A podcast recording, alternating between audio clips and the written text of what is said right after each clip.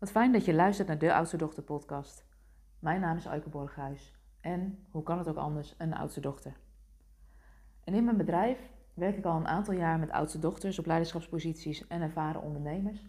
En het is mijn intentie met deze podcast om je bewust te maken van al die kwaliteiten die je hebt als oudste dochter. Dus luister lekker mee naar deze aflevering.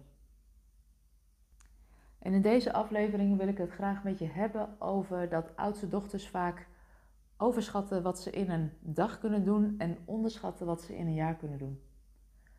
En deze podcast neem ik eigenlijk op voor mezelf, want uh, ik zit deze week weer in een huisje. Ik heb een training uh, voor mijn mastermind waar ik in zit dit jaar. En um, ik heb besloten om daar een paar dagen aan vast te plakken, omdat ik dan nog weer aan mijn boek kan schrijven.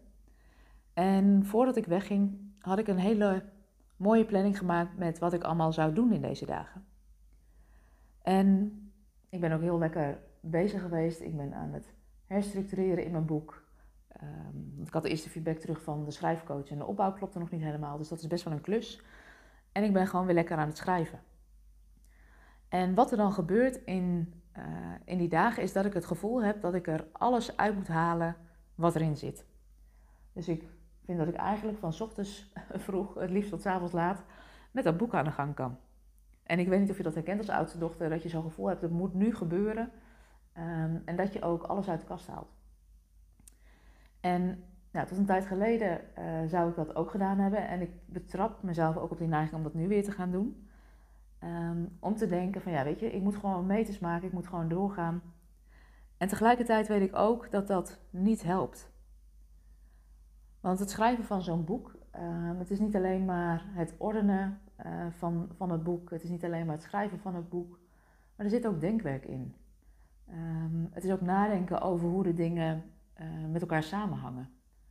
Um, het vraagt wat extra onderzoek. Um, en dan niet zozeer onderzoek in uh, kennis van buiten naar binnen halen, want dat heb ik de afgelopen periode echt heel veel gedaan. En dat heeft me eerder belemmerd dan dat het me heeft geholpen. Want dit is ook iets wat ik, wat ik oudste dochters wel zie doen, en daar herken ik mezelf ook wel in, is dat we denken dat we nog meer onderzoek moeten doen, dat we nog meer informatie moeten verzamelen. Terwijl het echt de uitnodiging is voor jou en mij om te vertrouwen op wat we wel weten. Als ik kijk naar mezelf, ik werk al jarenlang met oudste dochters. Ik, dat doe ik uh, vijf dagen in de week.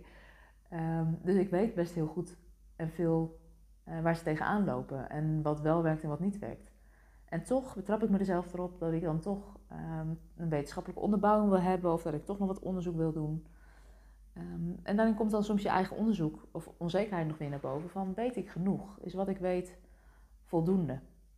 Ja, inmiddels weet ik wel dat ik daarop mag vertrouwen. Dus ik heb de afgelopen weken ook alle boeken die ik heb besteld, uh, die heb ik op een stapel gelegd. Die heb ik ook bewust niet meegenomen naar het huis, zodat ik niet in de verleiding kom om alsnog weer te verzanden in allerlei onderzoek. En dan nog um, bedenk ik dan voordat ik wegga dat ik een hele dag kan schrijven. Maar ik weet niet hoe het met jou zit. Um, ik kan creëren, vind ik heel leuk, vind, dat doe ik ook graag. Uh, maar het idee dat ik uh, tien uur op een dag of acht uur op een dag gewoon met dat boek bezig kan, fulltime, um, is gewoon niet reëel. Dus dit is ook weer zo'n reminder voor mezelf van wat is, wat is wel reëel. Ik weet dat als ik zo'n dag bezig ben met mijn boek, dat als ik uh, een uur of nou, vier tot zes met dat boek bezig ben, uh, met schrijven, dat dat eigenlijk ook wel de max is. Want dan heb ik gewoon ook um, tijd nodig om ja, af te schakelen of om even wat anders te doen. En dit is ook wel een van de patronen die ik veel zie met oudste dochters, is dat we denken, nu moet het gebeuren. En het is een kwaliteit van oudste dochters, want we kunnen onze schouders eronder zetten en we kunnen uh, werk voor elkaar krijgen. Maar ik weet ook dat als ik dat zou doen, dat ik niet mijn beste werk maak. Of dat ik eigenlijk niet de boodschap vertel die ik zou willen vertellen. Dus dat maakt dat ik um, het nu anders aan het doen ben. Ik schrijf een paar uur en um, ja, heb daarnaast ook al tijd om even een bad te gaan of uh, even in de sauna te zitten, om even te mijmeren over wat een volgende stap zou kunnen zijn. En dat is tijd die vaak niet voelt als bezig zijn met je boek en tegelijkertijd ontzettend waardevol is. En daarover had ik van de week ook nog een gesprek met een collega-onderneemster. Dat uh, ze zei van ja, ik heb soms het gevoel dat ik niet zoveel werk. Maar werken is niet alleen maar achter je laptop zitten en produceren. Maar het is ook uh, ja, eigenlijk denktijd over. Waar sta ik nu? Waar wil ik naartoe? Uh, wat is de boodschap die ik wil vertellen? Hoe ga ik dat doen? Dat heeft ook ruimte nodig. Dus dit is eigenlijk ook een, eh, een opsteken voor jezelf en voor mij. Van weet je, um, we onderschatten vaak wat we in een dag kunnen doen. En we onderschatten vaak wat we op langere termijn kunnen doen. Want als ik iedere dag een paar uurtjes aan dat boek werk, dan komt dat boek ook af. Dan wordt dat gewoon ook een waardevol boek uh, waar ik straks trots op kan zijn. Wat er niet uitgeperst is omdat dat dan nu moet in deze week, maar uh, wat gewoon echt waarde heeft. Waarover nagedacht is, waar verbindingen gelegd worden die ik eerder nog niet zag. Want dat is ook wat het schrijven van een boek of dat proces van dat boek doet, is um, je wordt uitgenodigd om nog meer na te denken over hoe werkt dat eigenlijk? Wat zijn de verbindingen die er nog meer zijn? Wat zijn de blinde vlekken die ik misschien heb? En wat zou er gebeuren als ik het van een ander perspectief bekijk? Nee, eigenlijk dus een reminder voor jou en mij. We onderschatten wat we in een dag kunnen doen. Dus dit is even een vriendelijke reminder voor jou en voor mij. We overschatten wat we in een dag kunnen doen en we onderschatten wat je in een jaar kan doen. En ik denk dat het soms ook helpend is om eens even stil te staan bij die vraag. Want soms denken we dat we niet zoveel doen in een dag. Maar blik maar eens even terug uh, naar het afgelopen jaar. Naar de dingen die je hebt bereikt, de dingen die je hebt gedaan. Ehm, ja, en daarin merk ik ook van consequent, iedere dag bezig blijven met dat wat voor jou belangrijk is. Dat je dan stap voor stap wel richting dat eindresultaat komt.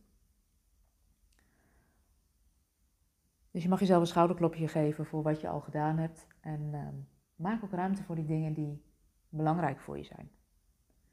Daarmee rond ik nu deze podcast af. Ik duik zo nog even het bad in. Ik ga straks nog even een rondje wandelen. En ehm, tot een volgende podcast. Mocht je deze podcast nou interessant vinden, abonneer je dan. Dan krijg je een berichtje als er een nieuwe aflevering online staat. En heb je een vraag voor me waarvan je het leuk vindt dat ik hem beantwoord in de podcast? Stel hem. Vind ik altijd leuk, kan ik hem beantwoorden. Je kunt een mailtje sturen naar info.oudstedochter.com en uh, wie weet, dan zie ik je snel in onze mailbox verschijnen. Fijne dag!